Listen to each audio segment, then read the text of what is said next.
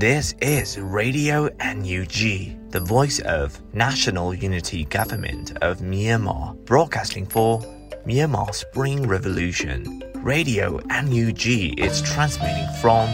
shortwave 16 meter 17.79 megahertz at 8:30 a.m. and 25 meter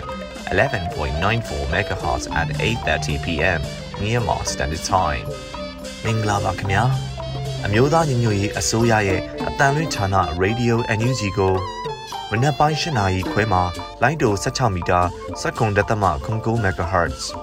ညပိုင်း၈နာရီခွဲမှာလိုင်းတို25မီတာ17တက်သမ6 MHz တို့မှာဓာတ်ရိုက်ဖမ်းယူနိုင်နိုင်ပါပြီမင်္ဂလာအပေါင်းနဲ့ပြည့်စုံကြပါစေအခုချိန်ကစပြီး Radio NUG အစီအစဉ်တွေကိုဓာတ်ရိုက်အတန်မြင့်ပေးနေပါပြီ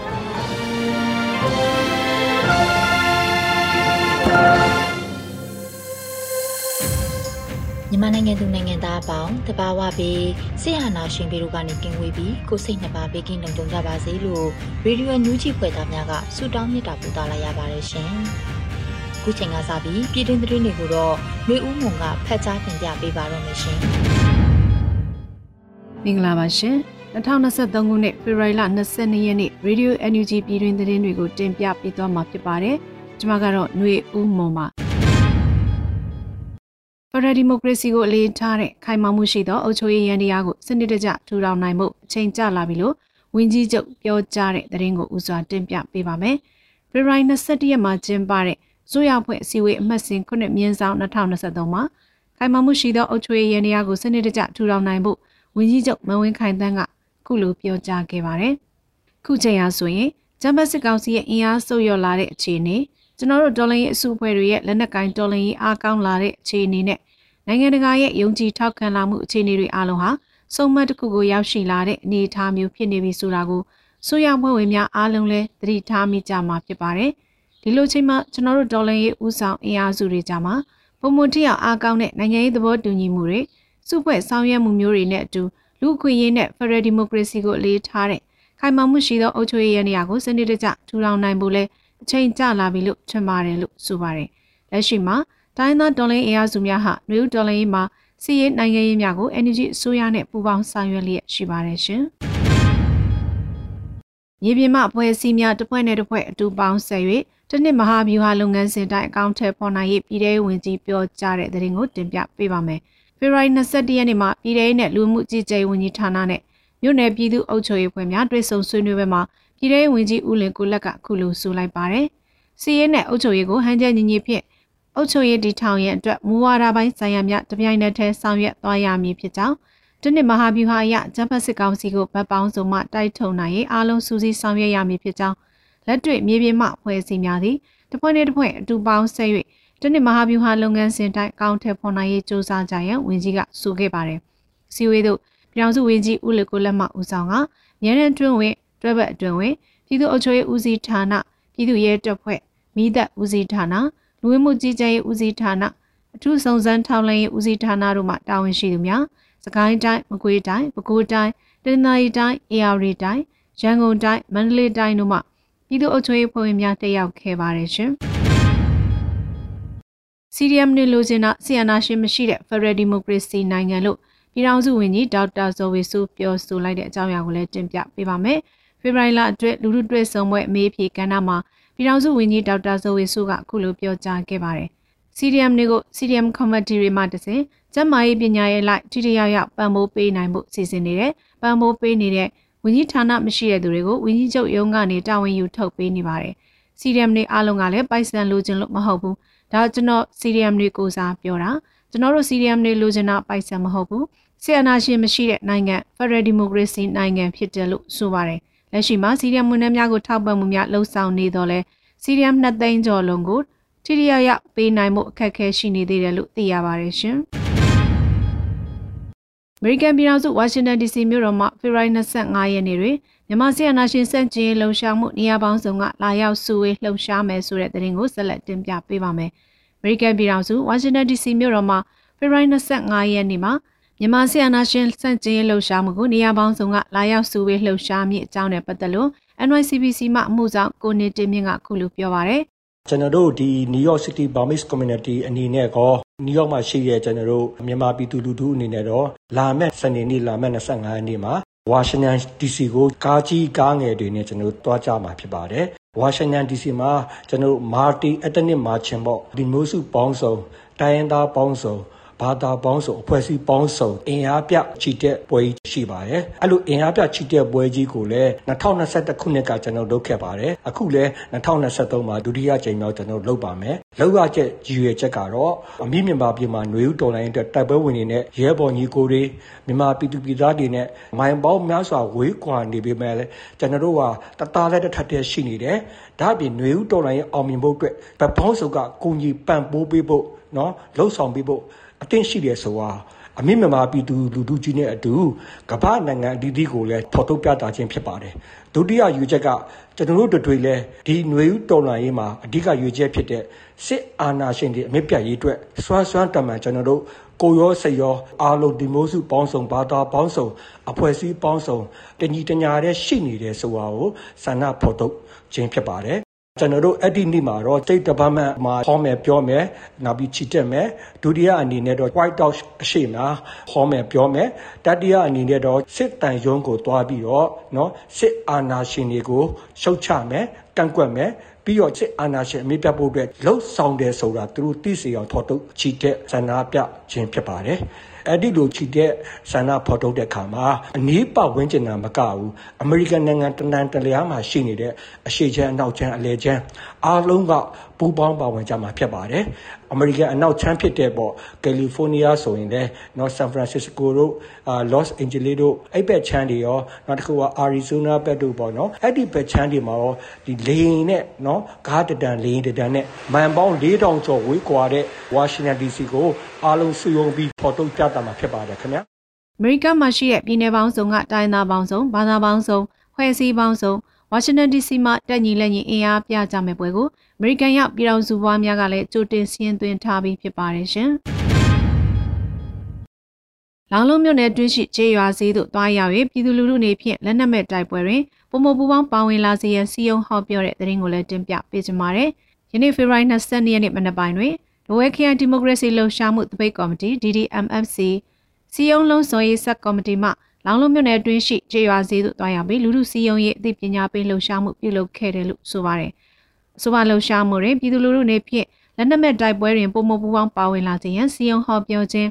စီယုံရေးစာခြင်းများဖြန့်ဝေခြင်း PTTEP နဲ့ PTT မှတ်တစိတ်ချောစီများအားဆန့်ကျင်ကြရန်ဟောပြောခြင်းညာခြင်းနဲ့ဆီယနာရှင်စန့်ကျင်ရေးကြွေးကြော်သမျှကြွေးကြော်ခဲ့ကြပါတယ်။ PTTEP သည်မြန်မာနိုင်ငံရှိရေနံနဲ့တဘာဝတန်းငွေစီမံကိန်းလေးခုဖြစ်တဲ့ရတနာရဲတကွန်ဇောတိကရွှေတို့တွင်ရင်းနှီးမြှုပ်နှံလုပ်ကိုင်လျက်ရှိပြီးအာဏာသိမ်းစစ်ကောင်စီကဒေါ်လာတန်ပေါင်းများစွာပေးဆောင်နေတဲ့ထိုင်းနိုင်ငံပိုင်ရေနံနဲ့စွမ်းအင်ကုမ္ပဏီကြီးတစ်ခုဖြစ်ပါတယ်ရှင်။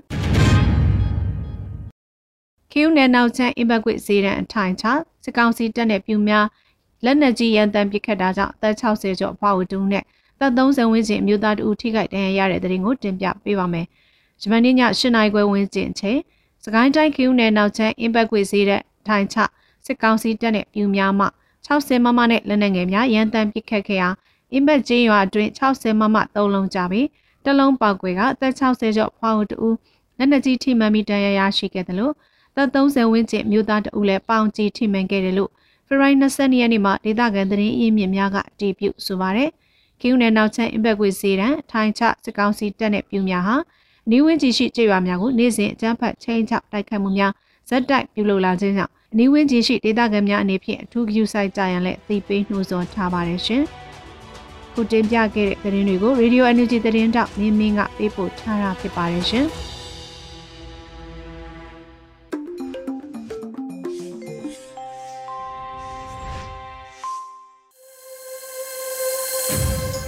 ရေရွေညွှန်ချီမှာဆက်လက်တင်ပြနေပါတယ်။အခုဆက်လက်ပြီး တယန်ဇာတာနဲ့တဘာဝပတ်ဝန်းကျင်ထိန်းသိမ်းဝင်ကြီးဌာနပြည်ထောင်စုဝင်ကြီးဒေါက်တာတူးကောင်ရဲ့စစ်တပ်ထုတ်ပုံတပိတ်မှောက်ကမ်ပိန်းလှုပ်ရှားမှုတိုက်တွန်းပြောကြားချက်ကိုနားဆင်ကြရတော့မှာဖြစ်ပါတယ်ရှင်။ဒီຫນွေဥတော်လိုင်းရဲ့ဟာ2021ဖေဖော်ဝါရီလ1ရက်နေ့စစ်အာဏာသိမ်းပြီးနောက်ပိုင်းတာဝန်တည်တတ်တဲ့ပြည်သူဝန်ထမ်းများဥစွာအာဏာဖီဆန်ဒေါ်လာနဲ့ CDM လှုပ်ရှားမှုကနေစတည်လာတဲ့ဒေါ်လာရေးဖြစ်ပါတယ်။ CDM ဆိုတာအမှန်တော့ ဝန်ထမ်းများကိုပဲတိနန်းညှိုးဆိုတာမဟုတ်ပါဘူး CDM Civil Disobedience Movement Civil ဆိုတာကပြည်သူပြည်သားများလို့အသိပေးရပါတယ်အဲ့တော့ကျွန်တော်တို့ပြည်သူများရဲ့အာဏာဖီဆန်တော်လှန်ရေးဟာဝန်ထမ်းများနဲ့ပဲတက်ဆိုင်တာမျိုးမဟုတ်ပဲねကျွန်တော်တို့အခုလိုချိန်ခါမှာတခင်းနဲ့ပြည်သူများပါဝင်လှုပ်ရှားတဲ့လှုပ်ရှားမှုမျိုးကိုဆိုလိုတာဖြစ်ပါတယ်စစ်အာဏာရှင်များ ဘာဖြစ်လို့အာဏာမြင့်မောနေကြတယ်လဲသူတို့အာဏာချုပ်ကင်ထားခြင်းတဲ့စိတ်ဟာသူတို့ရဲ့ကိုကြိုးစီးပွားအတွက်ကိုများစွာအထောက်အကူဖြစ်လို့ဖြစ်ပါတယ်လွန်ခဲ့တော့အာဏာရှင်ဆက်ဆက်ကြီးပွားသွားကြတယ်ဘယ်သူမှဘာမှလည်းလှုပ်လိုက်ရတာမရှိဘူးပေါ့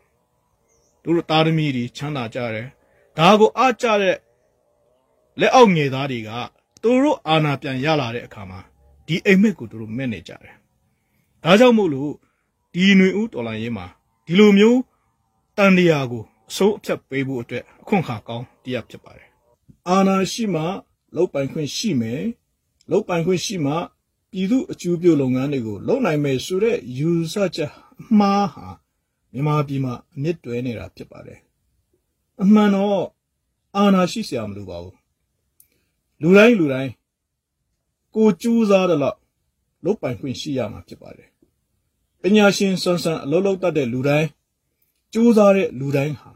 လုပ်နိုင်ဖို့အခွင့်အရေးလည်းရှိရမှာဖြစ်တယ်ဒါကြောင့်မို့လို့အာနာရှိမှလုပ်ပိုင်ခွင့်ရတယ်ဆိုတဲ့ယူဆချက်ကိုကျွန်တော်တို့အနေနဲ့တွန်းလှန်ပြရမှာဖြစ်ပါတယ်အာနာရှိမှလုပ်ပိုင်ခွင့်ရမယ်ဆိုတဲ့ယူဆချက်ကြောင့်ကျွန်တော်တို့အာနာရှင်တွေကိုမွေးထုတ်ကြတယ်အာနာရှင်တွေနဲ့ပူပေါင်းပြီးတော့အလုပ်လုပ်ကြတယ်ခရိုနီဆိုတဲ့သဘောတဘာဝတွေပေါ်ထွန်းလာတာဖြစ်ပါတယ်အာနာရှိမှ လုပ်ပိုင်ခွင့်ရတယ်ဆိုတဲ့ယူဆချက်ကိုအမှန်တရားလို့မှတ်ယူပြီးတဲ့နောက်မှာတော့အာနာကိုအရင်တင်လိုက်တယ်အာနာတိမ့်ပြီးနောက်မှာတော့သူတို့မလုပ်ရတာဘာမှမရှိတော့ဘူးတနိုင်ငံလုံးကိုလဝေကြီးအုပ်ပြီးတော့မှတားစင်မင်းဆက်ချမ်းသာတဲ့နီလန်းနေသူတို့သုံးပါတော့တယ်အဲ့ဒီလုပ်ငန်းတွေကိုကာကွယ်ဖို့အတွက်အာဏာတွေကိုဆက်ပြီးထိန်းထားဖို့လိုအပ်လာတယ်ဒါကြောင့်မို့လို့အာဏာရှင်အဆက်ဆက်ဟာဒီလိုတန်တရားနဲ့ပဲကျွန်တော်တို့ ရွာလဲနေတာဖြစ်ပါတယ်ကျွန်တော်တို့ဒီຫນွေဦးတော်လိုင်းရဲဟာစစ်အာဏာသိမ်းတဲ့တန်တရားကိုစုံတပ်ဖို့ခွင့်ကောင်းတရားဖြစ်တယ်လို့ကျွန်တော်အနေနဲ့မြင်မိပါတယ်ဒါကြောင့်မို့လို့လွတ်လပ်ရေးအနှစ်တာရကိုခံစားဖို့စစ်တပ်ထုတ်ကုန်တပိန်မောက်ကြစို့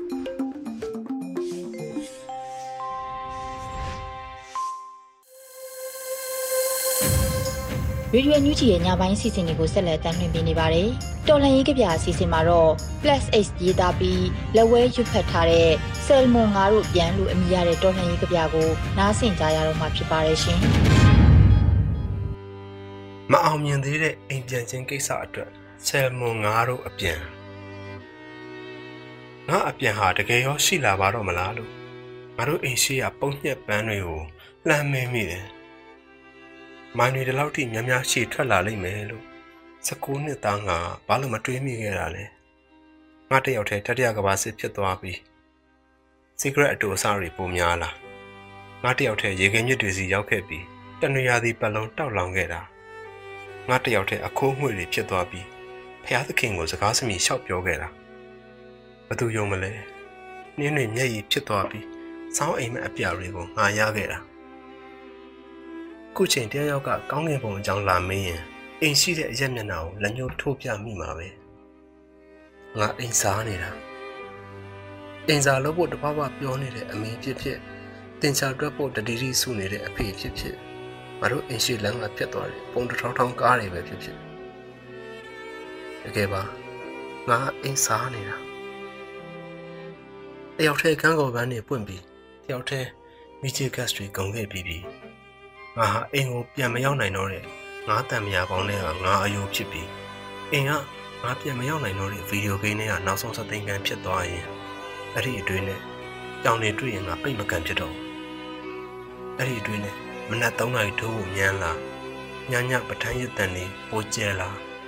ယထာဆအတွက်တော့ဘိန်းလုံးတွေဟာဘူတာကိုလွမ်းစိတ်နဲ့ငိုကြသေးလားဖះထက်တန်လန်းဟာပိုတိလိမ့်မယ်ငါလိုအိမ်ပြေးကောင်းတဲ့အတွက်တော့ ဖះနဲ့တန်လန်းဟာငါတို့လောက်သိနိုင်မှာမလားငါမအောင်မြင်တဲ့သားပျော်ကျသွားတဲ့ရေခဲမှုဒီထက်ပိုဝေးလဲဒီထက်ပိုမဝေးတော့ပါဘူး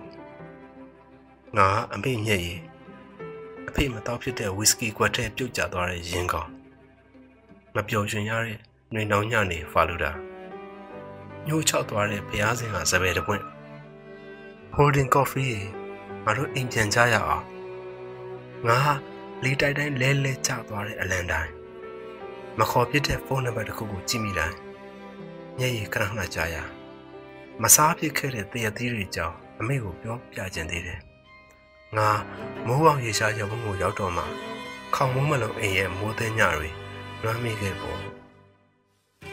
ငါအဖေနဲ့ညီလေးမိုးရုံပေါက်တွေဖာကြတော့ငါတော့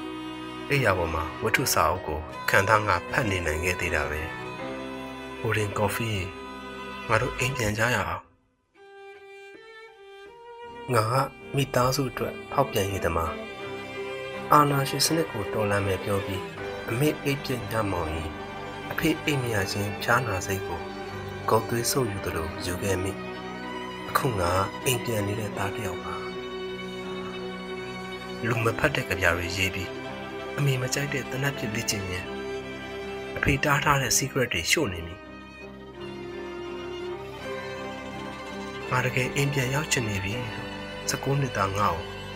29နှစ်အရွယ်ငါပျော်ပျော်ပြီးမျက်ဟိစာကြီးငယ်တွေကြာရင်အေယာကလိုက်တက်ရဲ့ညပြပြလဲယူရစီရောက်ရောက်သွားသေးတယ်ထင်ပါရဲ့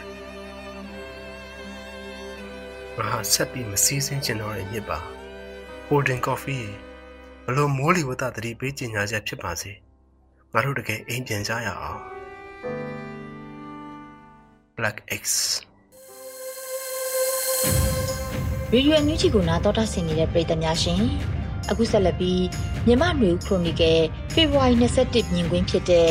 NUG ဆိုရကိုနိုင်ငံတကာနဲ့ပြည်ပရောက်မြန်မာတွေရဲ့အတိအမှတ်ပြုမှုအတိုင်းတာလို့အမည်ရတဲ့မုံမခဆောင်းပါးကိုတော့နွေဦးမောင်ကဖတ်ကြားတင်ပြပေးထားပါတယ်ရှင် NUG အစိုးရကိုနိုင်ငံတကာနဲ့ပြည်ပရောက်မြန်မာတွေဤအသည့်အမှန်ပြုမှုအတိုင်းအတာ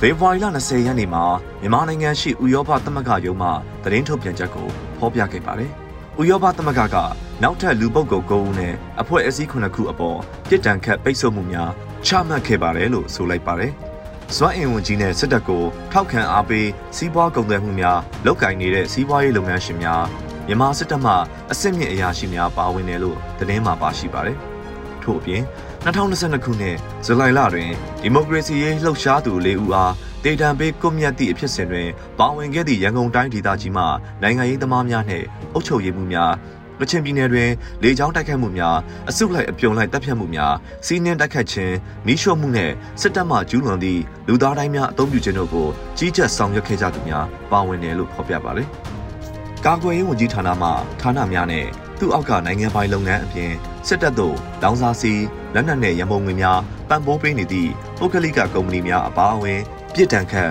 ပိတ်ဆို့မှုခံထားရသူလူပုဂ္ဂိုလ်စုစုပေါင်း63ဦးနဲ့အဖွဲ့အစည်း18ခုရှိနေပြီလို့ဆိုပါတယ်။2022ခုနှစ်ဒီဇင်ဘာနှစ်မကုန်ခင်မှာအမေရိကန်ပြည်ထောင်စုကမြန်မာပြည်၏ຫນွေဦးတော်လှန်ရေးအင်အားစုများနဲ့ပြည်သူများကိုထောက်ပံ့ကာကွယ်အားပေးမှုများကိုအချက်အလက် အတိုင်းအတာများသတ်မှတ်ပြီးအတည်ပြုလိုက်တဲ့ဘတ်ဂျက်ထည့်သွင်းသတ်မှတ်လိုက်တဲ့ NDAA ကလည်း2023ခုနှစ်အတွက်နှိဒဏ်ကောင်းခဲ့တယ်လို့ဆိုခဲ့ကြပါတယ်။မြန်မာနိုင်ငံဆိုင်ရာဘာမာဥပဒေ2021 Burma Act 2021ကိုပြီးခဲ့တဲ့ဧပြီလအတွင်းကအောက်လွှတ်တော်မှာအတည်ပြုခဲ့ပြီးအဲ့ဒါကိုမုံမှန်ပြောင်းလဲထားခဲ့တဲ့ယခုဘာမာဥပဒေ2022ခုနှစ် Burma Act 2022 Burma Unified Through Rigorous Military Accountability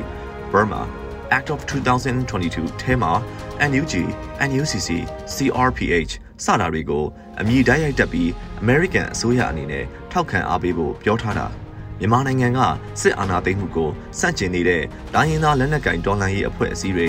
Ethnic Armed Organization EAOs ပြည်သူ့ကာကွယ်ရေးတပ်ဖွဲ့တွေ People Defense Force PDFs ကိုထောက်ခံကူညီဖို့ထည့်သွင်းထားတာတွေကနိုင်ငံတကာမှာຫນွေဦးဒေါ်လာရေးဤတရားဝင်မှုကိုထင်ရှားစေတယ်လို့မှတ်ချက်ပေးကြပါတယ်။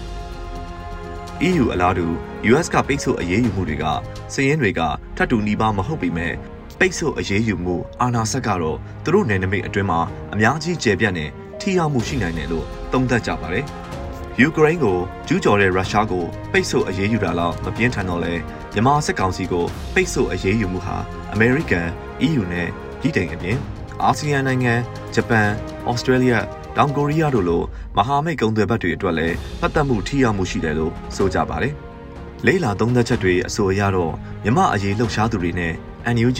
CRPHN, NUCC အတိုင်းဝိုင်းကမြန်မာစစ်တပ်၏စီးပွားရေးစစ်ရေးအကျိုးတူလုပ်ပေါ်ခိုင်ဖက်အပေါင်းပါတွေကိုပုံမူထောင်လန်းထုတ်ဖော်ပြသဖို့အခွင့်အရေးဖြစ်တဲ့ဒါကိုထိရောက်စွာအသုံးချရမယ်လို့ဆိုပါတယ်။ Justice for Myanmar Blood Money Campaign တို့လို ကမ်ပိန်းအဖွဲ့အစည်းတွေကနေစင်စက်မပြတ်ထုတ်ဖော်ကမ်ပိန်းလုပ်နေတဲ့စစ်ကောင်စီကွန်ရက်ကိုပြည်ပရောက်မြန်မာတွေကအာယုံစိုက်ပြီးကူညီသတင်းပေးကြအချက်အလက်တွေရှားပေးကြရင်အစိုးရတွေကအရေးယူဖို့တော်လှန်လာနိုင်ပါတယ်။သို့တော်လည်းစက်ကောင်စီအကျိုးစီးပွားတူအတိုင်းဝိုင်းဤခြေကုပ်တွေက American, EU ပြည်တိုင်များအယောင်သွေးမျိုးစုံနဲ့ရှိနေတာကြောင့်လက်ရှိစစ်ကောင်စီအနီးကအတိုင်းဝိုင်းနဲ့အချိတ်အဆက်ကိုဆက်ဆက်ပြရမှာအခက်အခဲတွေရှိတယ်လို့လည်းတချို့ကပြန်ဝေဖန်ကြပါတယ်။ ဒီပရောက်မြန်မာတွေကຫນွေဦးဒေါ်လာရေးမှာထောက်ဖို့တပ်သားတွေအဖြစ်တက်တက်ကြွကြွပါဝင်ဆင်နွှဲနေတာကြောင့်ယခုလိုဒေါ်လာရေးကအရှိန်အဟုန်မကျသေးဘူးလို့ဆိုနိုင်ပါတယ်။သို့တော်လည်းယခုလအတွင်း NUG နိုင်ငံသားရေးဝန်ကြီးများ၏အမေရိကန်ကမြန်မာတွေနဲ့ဓာတ်ရိုက်တွေ့ဆုံတဲ့ခီးစဉ်တွေကပြည်သူတွေရဲ့မေးခွန်းတွေကိုလေ့လာကြည့်လိုက်ရင်တော့ PDF တွေအကြောင်းစစ်ရေးအကြောင်းနဲ့ဆက်လက်နက်တပ်ဆင်ရေးတွေအကြောင်းအဓိကစိတ်ဝင်စားမေးမြန်းကြတာကိုတွေ့ရပါတယ်။ ပြည်ပကတာမန်ပြည်သူလူတွေကတော့သူတို့နယ်မြေဒေသမှာရှိတဲ့ fundraiser တွေ fundraising ပွဲတွေမှာတက်ဆွမ်းသလောက်ထောက်ဖို့လှူဒန်းမှုတွေရှိကြပြီးတော့နောက်တစ်မျိုးကတော့ NUG နဲ့ချိတ်ဆက်ထားတဲ့ရန်ပုံငွေထည့်ဝင်မှုတွေမှာပါဝင်ကြတာမျိုးတွေ့ရပါတယ်။ NUG အစိုးရ၏ဓာတ်ရိုက်ရန်ပုံငွေသို့မဟုတ်ထောက်ပို့မှုတွေဖြစ်တဲ့ end of dictatorship ရဲ့ bonds plot and housing နဲ့အခွန်ဆောင်မှုတွေကိုလည်းဝယ်ယူမှုပေးဆောင်မှုအသင့်အသင့်ရှိတယ်ဆိုပေမဲ့သူတို့နယ်မြေခံတွေတဲကစီစဉ်ပြုလုပ်ကြတဲ့ fundraising တွေမှာပါဝင်မှုရာခိုင်နှုန်းကတော့အများဆုံးဖြစ်ပါတယ်။အထက်ကပြောခဲ့တဲ့ American ဆိုရ၏ NDAA ကမြမအရေးဘတ်ဂျက်ခွဲဝေမှုမှာဆိုရင်လည်းရခဲ့လို့ရှိရင်တကယ်တမ်းကဂျာကန် American ၏အဖွဲ့အစည်းတွေကနေຫນွေဦးအင်အားစုတွေစီခွဲဝေရောက်ရှိမှာဖြစ်ပါတယ်။ NUG တခုတည်းမဟုတ်တာဖြစ်တာကြောင့် public fundraising တွေက fundraiser တွေကဲ့သို့သူတို့အာရုံကြရအဖွဲ့တွေအင်အားတွေစီရောက်ရှိနေတာမျိုးဖြစ်ပါတယ်။မြမအရေးနှစ်စင်ကူညီနေတယ်ဆိုတော့ American ကအခုတန်းတရာကျော်ဆိုတာကလည်းအစကတည်းကသတ်မှတ်ထားပြီးသားနယ်ပယ်များအဖွဲ့အစည်းများစီစီးဆင်းနေတာမို့အဲ့ဒီထဲမှာ NUG အစိတ်အပိုင်းတွေစီရောက်ဖို့ဆိုတာကလည်းအကန့်အသတ်ရှိနေပါတယ်။ မနေ့ကအမေရိကန်သမ္မတဘိုင်ဒန်ကယူကရိန်းကိုတထိုင်နဲ့ဒေါ်လာတန်း900ထပ်ကူအောင်မယ်ပြောလိုက်တာကအစိုးရကနေအစိုးရကိုဓာတ်ရိုက်ပေးတဲ့အကူအညီဖြစ်တယ်ဆိုတာဖြစ်ပြီး NDAA Burma Act budget ကတော့အစုအဖွဲ့လူရန်စားအားလုံးစီဖြစ်ပါတယ်။ NDAA မှာမြန်မာပြည်ကလူသားစာနာအကားအကွယ်အကူကအခြေခံတန်း90ကို USAID ကနေနှစ်စဉ်9နှစ်ကူးဖို့ဖြစ်ပြီး2023အတွင်းအိန္ဒိယနိုင်ငံများနဲ့ခွဲဝေအကူကတန်း120လို့ဆိုထားပါတယ်။ ဒါကြောင့်ပြည်ပရောက်ပြည်သူတွေက direct action ဖြစ်တဲ့စစ်ဖြစ်နေတဲ့ဒေသတွေတိုက်ပွဲတွေကိုစိတ်ဝင်စားကြပြီး NUG လှုပ်ဆောင်နိုင်မှုကိုအဓိကထားမေးခွန်းထုတ်နေကြတော့လဲတကယ်တမ်းကတော့သူတို့တွေဤရန်ပုံငွေထည့်ဝင်မှုတွေအပြင်နိုင်ငံတကာကအကူအညီထောက်ပံ့မှုတွေဆိုတာလဲ NUG အစိုးရအပြင် ERO တွေတိုင်းရင်းသားတွေ local PDF တွေလူသားချင်းစာနာထောက်ကူမှုနယ်ပယ်တွေစီကိုပါတပြက်တပြောတနက်တလျာရောက်ရှိနေတာဖြစ်တာမို့ NUG အစိုးရတာဝန်ရှိသူတွေကြီးဖြေဆိုရမယ်မေးခွန်းမဟုတ်တာကိုလည်းသတိချမိလိမ့်မယ်လို့မျှော်လင့်ပါတယ်ခင်ဗျာ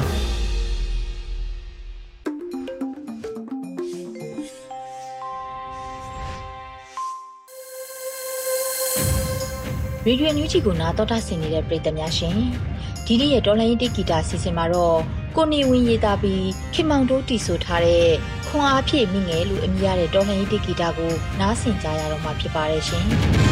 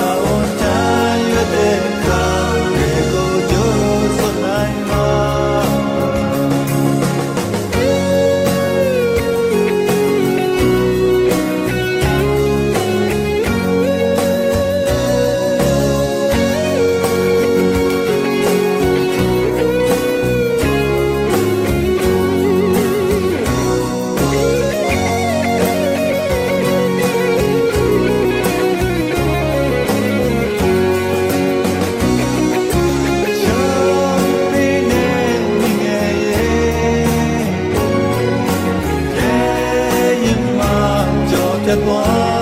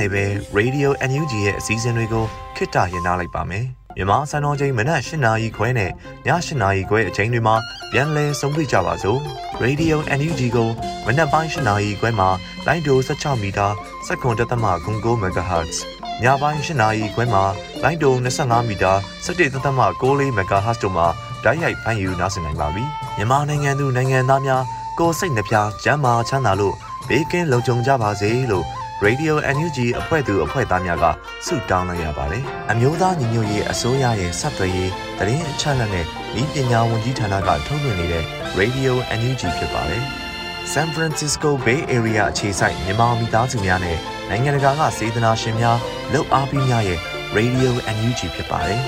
။အရေးတော်ပုံအောင်ရမည်